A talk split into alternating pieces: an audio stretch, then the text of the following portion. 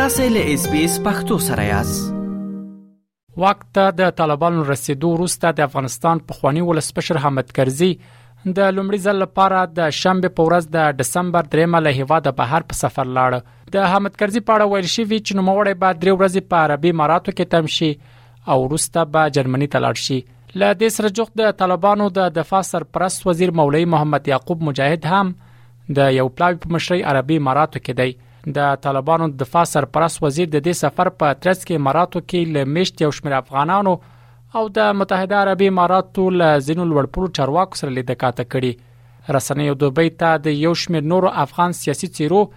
د ورتګ خبرونه هم ورکړي خو په دې اړه یا د اشخاصو یا هم رسمي او باوري سرچینو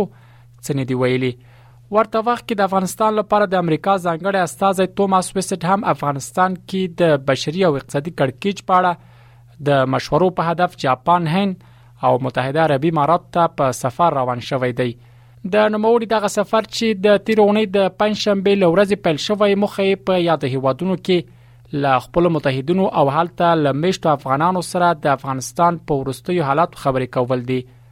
توماس ویسټ د دغه سفر په لړ کې له جاپان او پرون دوشنبه هند ته له سفر وروسته متحده عربي امارات ته رسیدلی دی اماراتو ته د افغانستان لپاره د امریکا د ځانګړي استازي او د اوسنی او پخواني افغان چارواکو سفرونه ځکه د بحث وړ او مهم ګڼل کیږي چې د افغانستان مخکنی ولسمشر محمد اشرف غنی هم په دې هیواد کې دی ردی ځینې رسنیو راپورونه خپاره کړي چې ښایي ځینې سیاستوال له محمد اشرف غنی سره هم لیدنې کاتنې ولري خو باوري سرچینو دا خبرې تایید کړې نه دي د چارو یو شمېر شنونکي متحده عربي اماراتو ته د امریکا د ځانګړي استازي او د افغانستان د اوسنۍ او پخواني چارواکو سفرونو په اړه بیلابل نظرونه لري د سیاسي چارو شنونکي عزیز معراج په دې باور دی چې اماراتو ته د اوسنۍ او پخواني چارواکو د سفرونو اصلي مخه خایدا وي ترڅو بین الافغاني مذاکرات تلار پرانستل شي او د موقت حکومت په اړه سلا مشورې وکړي ظاهرا سفر د کرزي صاحب آلمان ته د معالجې لپاره وکړل شوی ده اما دا څرګنده خبره ده چې دوبه کې پاتې کیږي لزینو چارواکو زینو کسانو سره په خواني سیاسي مطرح سره ګوري او په اروپا کې هم دی ګوري یعنی او میانجګری حالت لري چې بین افغاني مذاکرو ته لار وارسي پرانیستل سي او بیا په راتلونکې به لویه جرګه او دا مسایل به کیږي چې نظام د راتلونکې د موقت ادارې لپاره به کار کوي همدې وجه ده چې ملا یعقوب اخوند هم هلته تللی ده او تام سویس یا نور هغه هیوادونه چې په افغانستان کې اثر ګذار دي یا مطرح دي د هغوی استازي به هم راټولیږي تر ډیر وخت پورې به دوی سره خبرې اترې کوي نور کسان هم د طالبان او د پخواني سیاسیون هم راټولیږي سره ګوري دغه سلسله د خبرو چې مخکې ورته شوي وو چې په اخر د نومبر کې یا په اوایل د دسمبر کې به دوی سره کیني او ګوري به چې دا پروګرام اوس پیل شوی ده. بل لور ته د چارو ځینې نور شنونکي وایي چې متحده عربي اماراتو ته د امریکا د ځانګړي استازي توماس ویسټ او د افغانستان د اوسنۍ او پخواني چارواکو سفرونه پیڅنې دي ځکه په دې ورستیو کې د افغانستان د مسلې اړوند نړیوال ډیپلوماټیک فعالیتونه ګړندې شوې دي او تمه ده چې د دغو چارواکو د سفرونو په ترڅ کې د افغانستان د راتلونکو پر حل بحث وشي د دوی په خبره نړۍ په دې ورستیو کې افغانستان کې د موجوده ستونزو د حل لپاره جدي شوې ده ترڅو د حل لار ورته پیدا کړي او د پایټکې ورته کېږدي ما په فکر سره امارات متحده یو زمينه مساعده کړې ده افغاني خپل منځي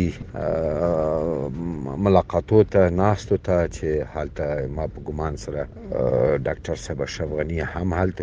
موجود ده او کرزای صاحب هم لار دی بعضې نور سیاسون کدای شي هم راغلي وي کدای شي چې د امریکا یا د نور هوادو کوم خاص کسان هم راغلي وي چې هغه په اجنډا کې به شامل وي کنه به وي موږ ته معلومه نه ده خو بحث بو کیږي او د راتلونکي حکومت په اړه باندې د نظام مشروعیت په اړه باندې دا باسونه بجریان لري امکان لري چې دا مسله تصادفي وي خو په غالب ګومان په دغه وختونو کې د افغانستان د مسلې په اړوند نړیوال ډیپلوماټیک فعالیتونه زیات شوي ګړندې شوي دي امریکا په دغه وخت کې په دې اړه ډیر فعال ده په غالب ګومان دوی به د افغانستان د مسلې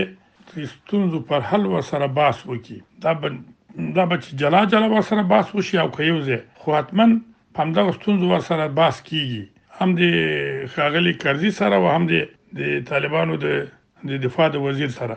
ځکه چې په دا وختونو کې نړۍ اوس جدي شوې ده چې د افغانستان مساله باید نور د حل ولاره پیدا کړي او دا ستونزې به پای ته ورسیږي متحده عربي اماراتو ته د طالبانو بهرنۍ او پخواني افغان چارواکو سفرونه داسې مهال کیږي چې لا هم په افغانستان کې د ټولګډونو حکومت د جوړېدو په اړه د اروپאי ټولنې او امریکا هڅو کومه پایله نه ده ورکړې طالبانو ویلي هغه ټولګډونه حکومت نه جوړوي چې نړیواله ټولنه یې غواړي ځکه د دوی له قوله دا د افغانستان کورنۍ مسله ده خو نړیواله ټولنه بیا طالبان تورنوي چې د دوه هوکړې خلاف یې نه یوازې دا چې قدرت انحصار کړی